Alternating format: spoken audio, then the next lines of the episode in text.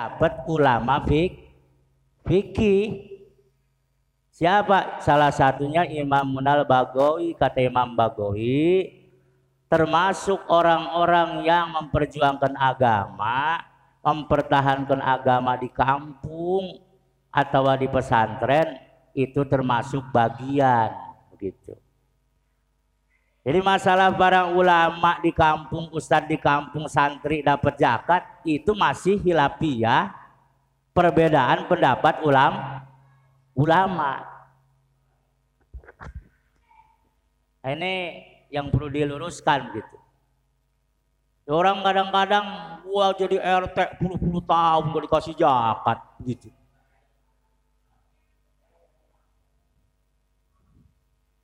Berpuluh-puluh tahun jadi RW katanya. Lah saya nggak dibagi jak zakat ada nggak yang begitu? Ada nggak? Ada di kampung mah. Hansip RT RW pengen kebagian zakat Ustadz begitu juga. Maksudnya begini kalau dapat bagian ya syukur alhamdulillah lila cuman kalau nggak dapat bagian jangan jeng jeng jengkel. Ini mah kadang-kadang di pengajian bagian kopi kagak mau. Ngelihat musola kotor nyapu kagak mau. Begitu. Katanya pengurus maaf maaf. Ngumumin pengajian kagak mau. Ngajak ngaji kagak mau. Begitu pembagian zakat mau. Bagaimana kalau begitu itu mah namanya licik. Ya, itu mah bukan jihad, jimat. Cuma pertanggungan, pengen ditanggung. Nah, jangan. Lihat dulu kerja kita. Kenapa saya bicara begini? Banyak di daerah kampung-kampung. Iya, nuntut hak. Saya ansip begitu. Lah ansip urusan jaga urusan apa sama zakat. Ansip saya kan bawa pentungan, lah bawa pentungan emang jagain masjid. Emang untuk urusan agama kan bukan. Jadi kalau dapat ya alhamdulillah banyak di kampung-kampung lungtut tuh orang pemerintahan. Lah ini di sininya begitu. Al guzatu orang-orang yang perang al mutatawwi'una karena Allah. Nah kalau ada yang berpendapat ustaz dan sebagainya itu salah satunya pendapat Imam Bagawi. Salah satu ulama fikih. Begitu. Tapi di Jawa Barat di pesantren fikih, pesantren Cikole fikih, Miftahul Huda Usmania, beliau mengatakan santri jangan pengen dapat zakat. Ajengan ulah yang menang zakat begitu. Jadi masih apa? Perbedaan pendapat ulama ulama begitu. Nah kalau saya bagaimana? Ya saya mah dikasih alhamdulillah. Begitu. Nggak dikasih ya udah begini keterangannya begitu. Nggak maksa-maksa. Ya jelas nanti kalau umpama panitia lupa. Ya kita umpamanya pengurus. Ya pengurus keagamaan tua pengajian tah atau imam tah. Nggak dapet ya jangan tulak pinggang. Gitu. Jangan marah marah sebab ada yang begitu. Gitu. Jadi yang ketujuhnya sabilullahi. Ya, orang yang berjuang di jalan Allah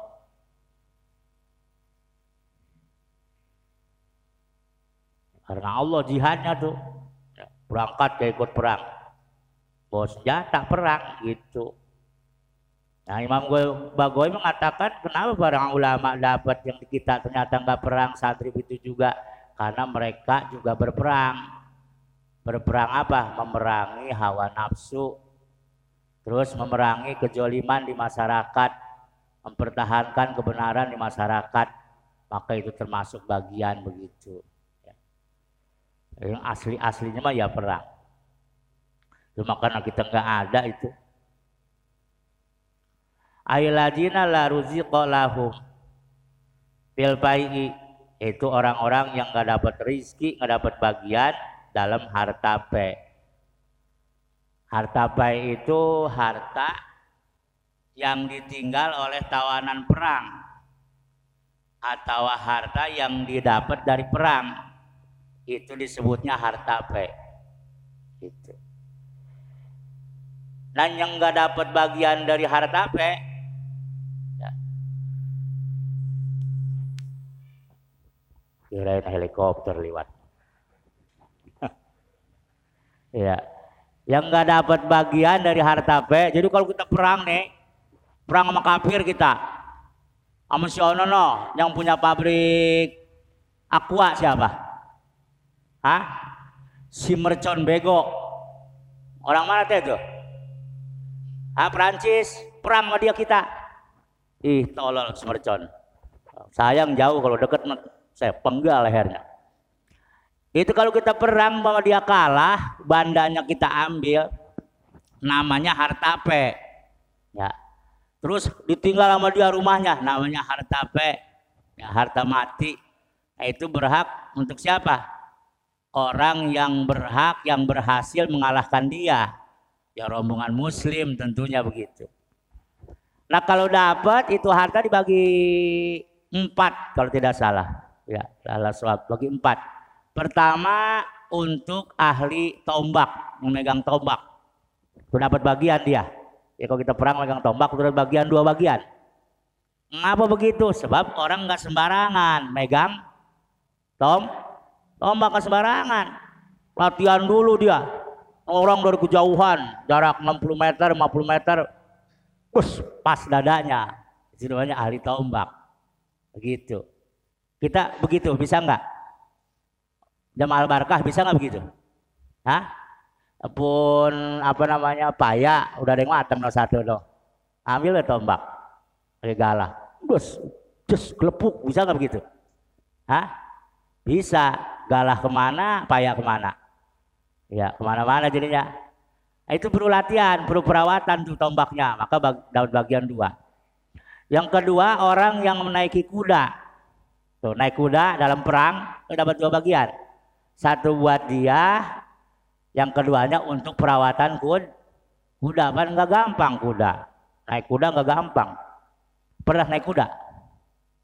Hah? Pernah naik kuda? Pernah tapi ditungtu nama yang punya. Ya. Solo di Cianjur. Tungtun. Tapi kalau enggak miring miring miring gubrak. Gitu. Tuh kemarin ke kanan miring miring gubrak. Kuda kan ajarat-ajaratan begitu. Ya, Ya kalau perut kita lagi enak, tambah parah urusan. Begitu. Kalau lagi lapar, tambah lapar. Nah makanya perlu dilatih orang yang naik kuda itu nggak sembarangan. Kalau perang bawa, bawa kuda mah luar biasa itu perlu latihan. Makanya zaman dulu pendekar-pendekar, pengurus-pengurus negara, mereka membawa kuda. Jadi sejak kecil sudah latihan. Kalau nggak latihan, jangan coba-coba naik kuda bisa begitu naik kita betot ya meh jualan terus ya, sampai sore baru bisa mau pulang-pulang terus jalan gitu kalau nggak bisa mang berhentiinnya maka penting tuh orang yang naik kuda nanti dalam perang kalau dapat harta berarti dapat dua bagian. Kemudian yang ketiga pemanah. Ya, pemanah. Untuk perawatan panahnya latihan panahnya itu kan nggak mudah. Harus incer lo begini. Dilepas tepat. Baru ahli manah namanya. Begitu.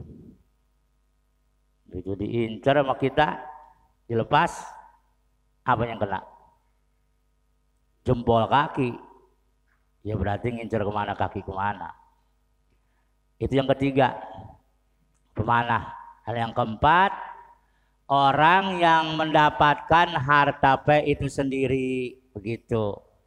Jadi dia berani maju ke medan perang begitu. Ya, musuhnya dikejar sampai ke rumahnya. Orang-orang pada takut sama itu musuh. Umi sudah galengan. Wah, kalau dibacok, golok, milai. Ditembak, peluru jadi emping. Oh, dia mau maju terus. Lawan, kalah, dapat harta. Nah, dia juga sama, dapat dua ikhtiar. Nah ini yang begini yang sabilullah mah nggak dapat dari yang empat ini. Ya, dia bukan pemanah, bukan naik kuda, terus lagi bukan tukang tombak, juga nggak ngedapetin, nggak bisa mematikan atau mengalahkan musuh. Ya cuman sabilillah karena Allah ikut perang. Nah dapat dia bagian zak, zak, zakat dapat tuh. Ya, dapat ya. Itu bagian nomor yang ke tujuh ya. Sabilullah orang yang di jalan Allah. Kemudian yang kedelapan wasaminu ibnu sabil. Nah terakhir yang berhak menerima zakat adalah ibnu sabil anak jalanan. Maksud anak jalanan di sini bagaimana? Orang yang melakukan perjalanan dari perjalanan yang taat sampai perjalanan yang diperbolehkan. Berarti apa itu? Seperti silaturahim, santri, gitu kan dulu mah banyak jalan kaki ke Banten jalan kaki Jawa Timur jalan kaki. Ya apalagi sekarang pakai kendaraan. Butuh banget amin namanya apa mah do duit mah butuh banget sekarang mah Nasabilillah bis kemudian kereta itu kan nggak bisa kalau nggak begitu zaman sekarang. Kalau jalan ya lama. Ya baik dulu dan sekarang butuh biaya. Nah, itu yang kedelapannya sabilillah. Eh apa Ibnu Sabil anak jalanan. Ini bukan anak jalanan itu bukan orang yang diem di mana? Di jalanan, bukan diem di terminal. Cuma anak pang namanya. Ya, Bang Jore nak. Cuma ya terus diem di jalanan siapa lagi? Terminal. Hah? Ken kenek atau calo supir enggak itu Gitu. Nanti kalau dia dikasih zakat, supir ya dilihat dari segi apanya. Apa fakir atau miskin dari situnya. Bukan karena dia anak jalanan. Jalanan mah orang terus jalan. Sabilillah. Nah di sini wahu ala kismaini anak jalanan terbagi dua. Satu majajiun ya Ibnu Sabil yang majaji wa huwa munsiu safarin min baladin mali zakati yang dikatakan Ibnu Sabil Majaji adalah orang yang baru memulai perjalanan di tempat wajibnya zakat atau di tempat dikeluarkannya zakat atau di tempat adanya panitia zak zakat. Ya mau apa hari raya? Umpamanya ada kabar orang tua meninggal atau sakit. Pengen pulang tapi nggak ada ongkos. Nah kebetulan pas banget malam hari masar besoknya mau hari raya. Di masjid atau di musola sedang dibagikan zakat. Nah boleh tuh dia. Ngadu bilang ke panitia, Pak saya mau berangkat ini ke Jawa Timur atau ke Bandung, orang tua saya meninggal tapi saya nggak ada harta sama sekali. Kalau saya nggak pulang nggak enak gimana? Nah kasih itu. Nah itu namanya Ibnu Sabil Majazi. Orangnya belum berangkat, pembagian zakat dibagikan, terus ongkos kagak pun punya dari mulai tempat dia berangkat dari rumah gue udah kagak punya. Itu majaji namanya. Kenapa majaji? Ya baru sebutan, pan orangnya belum berang, belum berangkat, baru majaji namanya. Begitu. Yang kedua yang hakiki, yang hakiki bagaimana? Yang hakiki mah orangnya udah jalan. Sampai Bandung atau sampai Jawa Tengah ongkos habis. Mana nyari ongkos bingung. Eh kebetulan Ramadan orang lagi bagiin zakat. Ngomong jangan diam. Gitu bilang. Pak Panitia, saya dari Bogor. Bogornya mana? Gunung Sindur. Gunung Sindurnya mana? Musola Al Barkah. Di sebelah mana? Samping Pak Kadus Uta. Terus lengkap banget ya urusan. Pak RT dekat, itu emang saya masih saudara Pak RT. Iya. Jadi bagaimana sekarang? Ongkos saya habis Pak, begitu. Diperiksa tuh dah. Ya, panitia, berempe-rempe. Sebenarnya nggak masih begitu. Cuma kalau kita penasaran diperiksa dompetnya bener, lo KTP doang. Tulis lihat-lihat bener, Kampung Nagrog, Desa Pengasinan, Musola Al Barkah sampingnya. Iya diperiksa bisa begitu, terus ditanya ongkos dari sini Bandung ke sono ke Jawa Timur Surabaya berapa? Ongkosnya sekian. Terus kalau makan berapa kali makan? Gitu, sekian kali. Sekali makan berapa? sekian uangnya. Terus kalau minum berapa tuh di, di ini kan. Yang wajib-wajib aja. Mau usah ditanya, ngopi berapa kali ngopi jalan. Alam kali rokok berapa bungkus? Ya, lain enak bener cebokin kalian. Kalau rokok tanyain. Ya, yang wajib aja, yang wajib gitu. Kalau dia nggak punya baju, ya tanya, belikan bajunya di situ, kasih kasih ongkos sampainya demikian. Nah, terus kalau sampai Madiun, ntar berangkatnya ke eh, Jawa Timur mana lagi? Tuh berapa ongkosnya terus sampai sempurna. Gitu. Nah, dikasih dah tuh dia, ya sesuai kebutuhannya. Nah itu kalau mau detail begitu diperiksa. Tapi kalau kita mau percaya, ya udah, oh begitu, begitu. Ada kehabisan ongkos, nggak usah diperiksa-periksa. Nama siapa, ke mana tujuan, terus berapa yang diperlukan, lain-lain sebagainya, begitu kan. Itu penting, yang wajib-wajib itu. Ya kayak ke WC segala macam kan bayar di jalan mah. Itu ditanya semua dikalkulasikan, minumnya dan sebagainya yang wajibnya tuh, gitu. Nggak usah semua-semua, gitu. Nah itu diberikan. Nah kata Imam Payumi mah yang dikatakan sabilillah mah semua orang aja yang terjun ke jalan. Siapa aja yang melakukan perjalanan? Jalan asalkan perjalanannya bukan mak siat. Berangkat dari sini umpamanya tiga bos. Sampai jalan habis semua duit. Gitu atau colongan atau bagaimana? Atau bisa oleng jadi dompet terjatuh semua. Habis ini mobil habis itu bensinnya juga jadi itu sabilillah yang perlu diapain? Dikasih jak, zakat. Asalkan perjalanannya diperbolehkan. Yang diboleh mau ngebesan, dapat jodoh orang Jawa begitu kan nggak tahu-tahu gitu ya. Jodoh mah. Kalau ini mah empat bis mau ke mana? Nonton konser. Di mana? Di di yang ada lumpur apa namanya? Tapindo, mana itu? Sidoarjo, nonton konser siapa? Konser Inul. Dari sini berangkat. Eh sampai alas roban goyang-goyang gitu pada jatuh. Apa namanya timbal pada hilang gitu. Terus bagaimana? Ke tempat jakat apa enggak? Enggak usah cuma diem di, di alas roban udah. Ya, jadi makhluk alas roban bae udah.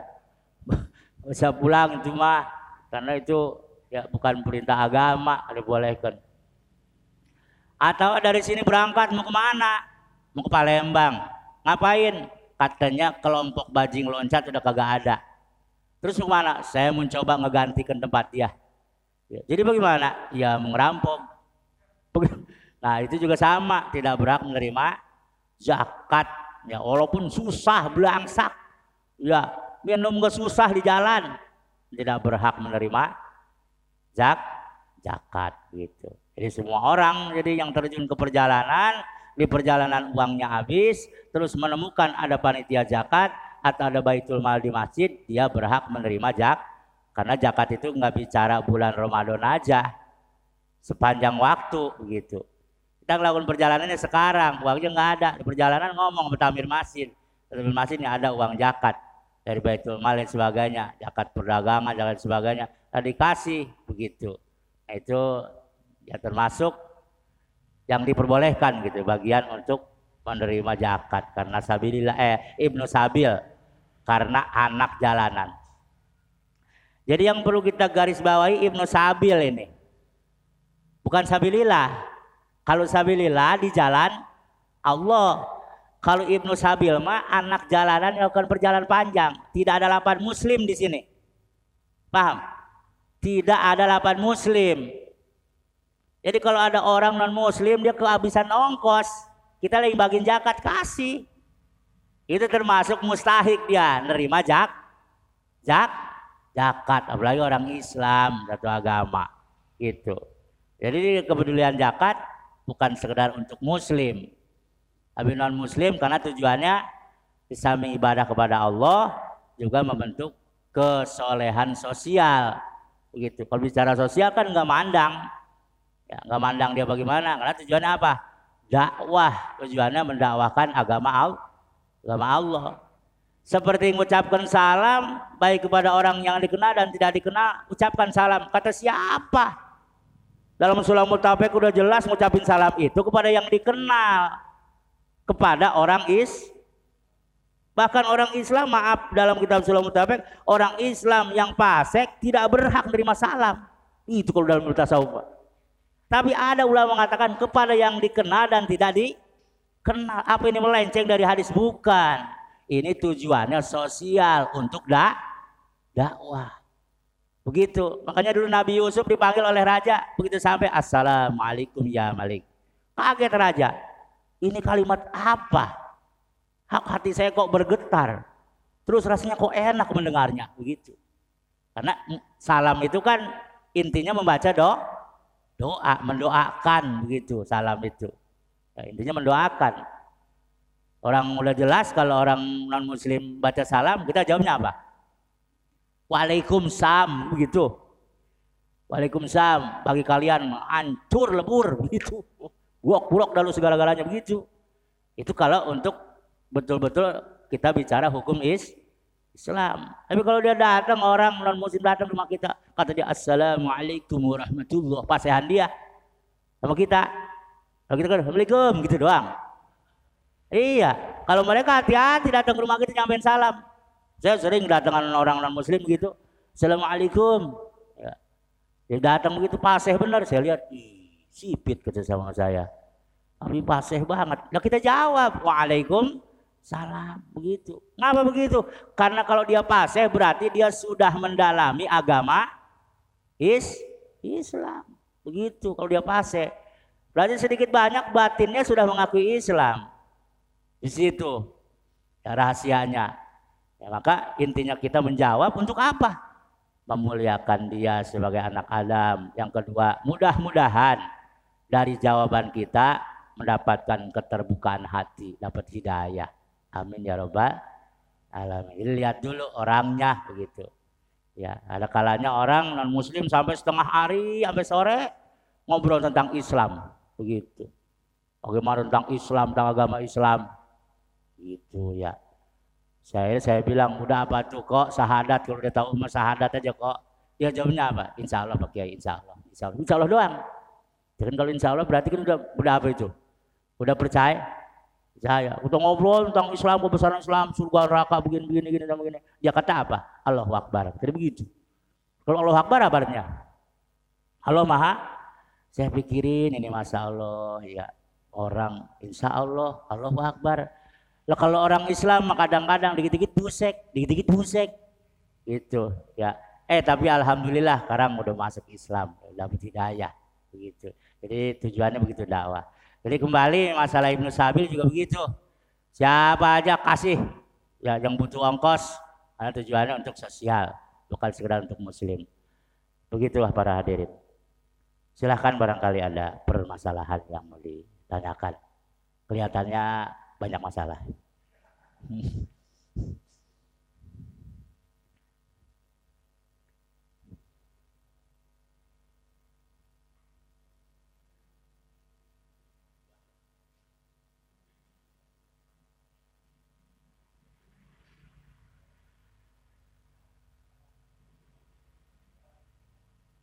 Ada Pak?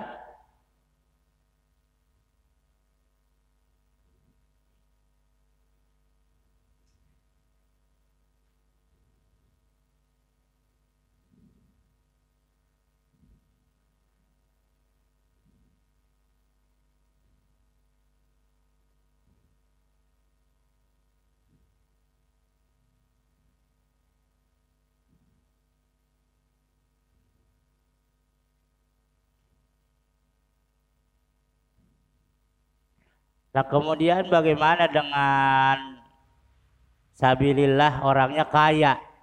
Ya. Dikasih apa tidak itu zakat? Dikasih. Ya, walau agnia walaupun dia orang kaya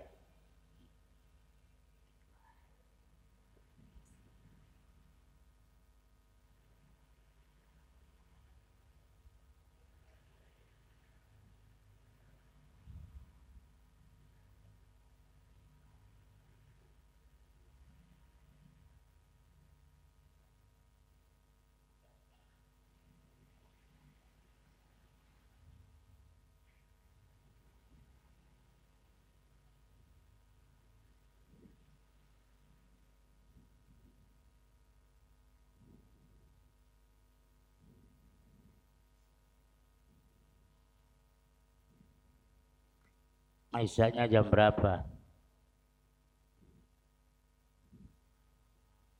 Ya. Tujuh. Lewat. Kemudian khotimatun satu penutup wasaratu akhzi zakati.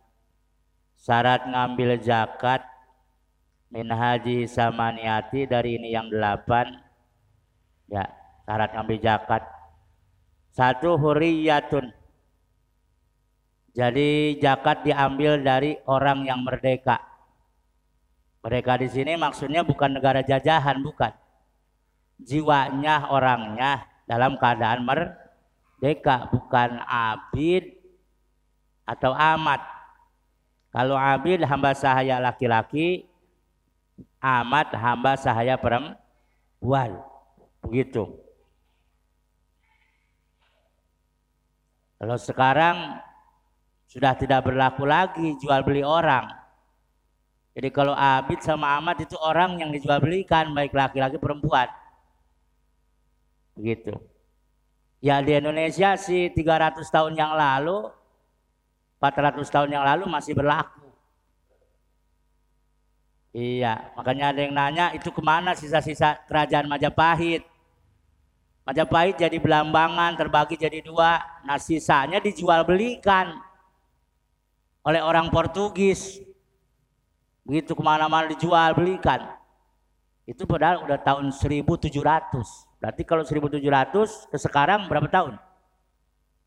300 tahun masih berlaku itu jual beli orang. Tapi sekarang juga ada yang bilang masih berlaku, cuman sekarang kan terselubung. Itu nggak terang-terangan. Dalam buku sejarah perjalanan Jawa, rakyat Belambangan itu jumlahnya 80 ribu. Setelah habis perang dengan Portugis, sisanya hanya 2000. Dari 2000 itu diculik, diambil, dijual. Jadi saat itu ketika berperangan, kita orang Jawa, orang pejajaran mengalami apa kata Bung Karno up and down gitu. Turun naik. Jumlahnya nanti naik, nanti turun, turun ketika sisa perang dijual belikan. Dibawa ke luar negeri. Makanya di luar negeri kayak di apa di Afrika Selatan itu banyak orang kita, orang Makassar. Terus mana lagi? Hah? Suriname itu hampir senegara isinya orang Indonesia. Bung Karno sendiri berapa kali mengalami penjualan, dijual, dibuang berapa kali. Ya cuma karena orang pinter balik lagi, balik lagi. Ya kalau yang bodoh kan sekolah juga kagak. Tanda tangan pakai apa? Cap, jempol. Jempol tangannya buntung jempol kaki. Diinjekkan begitu orang dulu. Ya. Mang ini ada ini ini ini. Iya jempol jempol. Tahu tanah udah habis. Orang dulu gitu. Karena kita kagak tahu orang dulu. Kalau sekarang malah alhamdulillah. Udah beres aturannya. Yang sekolah SD juga bisa pulang ke Indonesia. Kalau emang berdasarkan aturan. Tapi kalau dulu berangkat nggak bisa pulang. Kalau yang di Afrika Selatan itu Syekh Yusuf yang dari Makassar. Dibuang ke sana, menyebarkan Islam di sana. Jadi banyak orang Indonesia yang menyebar luas di negara-negara lain. Yang asbab awalnya karena mengungsi atau karena dijual begitu. Karena dijual. Maka syarat ngambil zakat yang pertama yang harus mengeluarkan zakat bukan orang yang sedang dijual, bukan abid tapi orang yang merdeka kayak kita kita ini itu merdeka baru satu ya. Ya yang kedua wa islamun. Orangnya harus beragama Islam. Kan zakat mah sebetulnya dipupul diambilin di masyarakat. Waduh kaya banget nih rumah tiga tingkat. Tanah hektaran. Itu buah-buahan kagak kemakan. Tapi bukan orang Islam. Jangan disuruh ngeluarin zakat.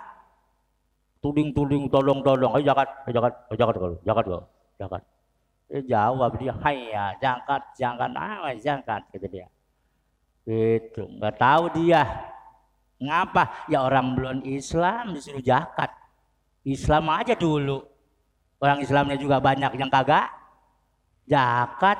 Nah, ini orang is non muslim dipaksa zakat. Gak bisa. Bagaimana umpamanya dia belum ngucapin syahadat, datang ke musola ke sini al barkah. Begitu. Assalamualaikum. Assalamualaikum. Waalaikumsalam. Saya mau zakat. Berapa? 3 triliun. Tapi Bapak udah masuk Islam? Belum. Saya mau zakat aja. Nggak bisa, jangan diterima. Gitu. Jangan diterima walaupun 3 triliun. Kan dipikirin sama kita 3 triliun ini. Jadi pikiran. Ya Pak ya? Tapi kita lagu kita kan mentah. Lagu kita mentah. Oh, haram ini haram. Duit pak, duit, duit. Oh ya halal, halal, halal, halal. Mentah. Mentah lagunya. Itu. Ya pak ya? Lo kira nyolatin mayit, dikasih amplop 20 ribu. Saya terima, saya serahkan. Gitu lagunya. Soal sedekah, tegeng. Coba kalau amplopnya 20 juta. Saya terima, saya enggak serahkan lagi. Saya buat kawin lagi, begitu. 20 juta. Eh, Pinter banget itu, tapi tolol ya. Iya kita kan lalu kita begitu. Ngapain buatnya sholat dibayar? Untuk apa sholat dibayar? Dari mana ajarannya? Mana hadisnya? Ngomong sama ember.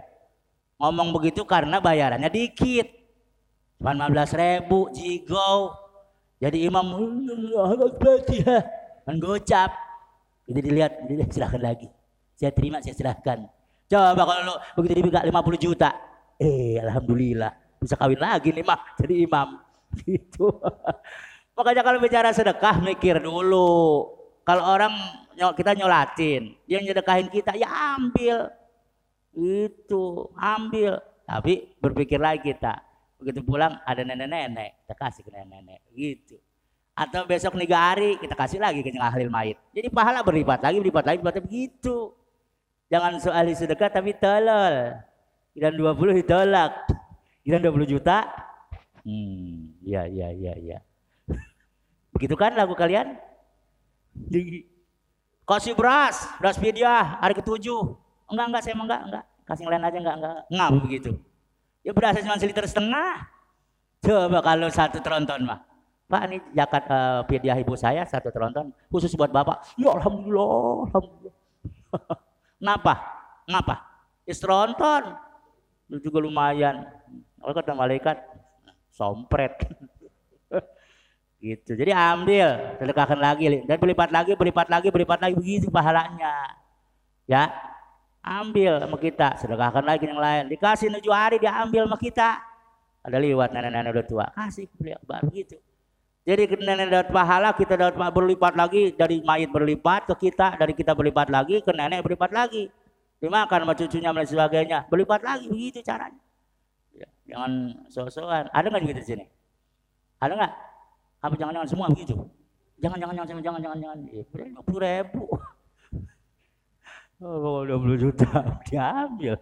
Ya, makanya masya Allah ya jangan so-soan begitu, ambil aja udah. Gitu, sedekahkan lagi kepada orang lain. Jadi berlipat pahalanya.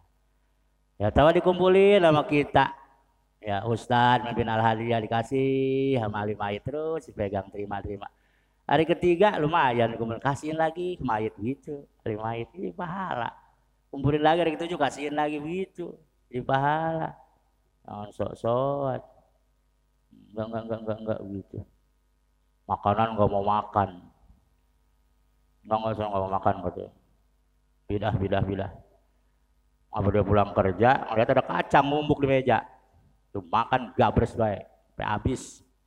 Kata anaknya, kacang dedek mana ya? Habis ayah makan. Emang dari mana? Bekas malam tahlilan. Kena dijebak anaknya. gitu ya. Agaknya Masya Allah, Robi. Ya jangan sok-sokan, diambil terima sedang. Jadi kesimpulannya yang ketujuhnya sabilillah ya. Sabilillah di sini yang asli yang terjun di jalan Allah. Maka kalau kita nanti di hari zakat nggak dapat bagian, mbok ya mawas sendiri. Mungkin bukan rezeki kita. Kalau dapat alhamdulillah, nggak dapat ya alhamdulillah juga begitu. Jadi jangan marah-marah udah tahu babnya mah. Karena kita mah sabilillahnya sempalan. Tahu sempalan? Ibarat keramik mah kawe, kawean, bukan as, bukan as, Kan asli kita musabilillahnya, paham? Jadi nggak usah marah, marah baik ustadz, RT, pengurus dan sebagainya. Kemudian yang kedelapannya Ibnu Sabil. Eh, Ibnu Sabil itu terbagi tiga. Pertama orang yang belum berangkat tapi udah kagak gablek ongkos. Ada bagian zakat silahkan minta. Yang kedua yang punya ongkos tapi kehabisan di tengah jalan. Ada bagian zakat silahkan min minta. Yang ketiga emang sama sekali kagak punya ongkos tapi udah berjalan berjalan ke jalan itu juga silahkan dia berhak untuk meminta. Nah dalam masalah Ibnu Sabil itu Ibnu Sabilnya yang mesti bilang kepada panitia wajib dia bilang kepada panitia. Ngapa begitu? Sebab kalau dia nggak bilang panitia kagak tahu. Tahu nggak panitia? Dia kagak tahu dia kagak punya duit di jalan. Makanya kita yang mesti ngom ngomong gitu. Nah, ketika ngomong nanti apa diperiksa atau enggak, baiknya udah nggak usah diperiksa. Kalau mau dia muslim, KTP-nya muslim udah diberikan saja begitu. Demikian hadirin, ya, benar datang dari Allah. Salahnya nafsu dan kebodohan saya pada hadirin mau dilaskan kepada Allah mohon ampun. Khotimatun. Fastaghfirlakum dunubakum wa min sayyiati a'malikum. Subhanakallahumma bihamdik Ashhadu an la ilaha illa anta astaghfiruka wa atubu ilaik. Wassalamualaikum warahmatullahi wabarakatuh. Kepada jamaah saya langsung pamit ya, mau kejar tayang di sono. Hah? Di bagian utan alas roban.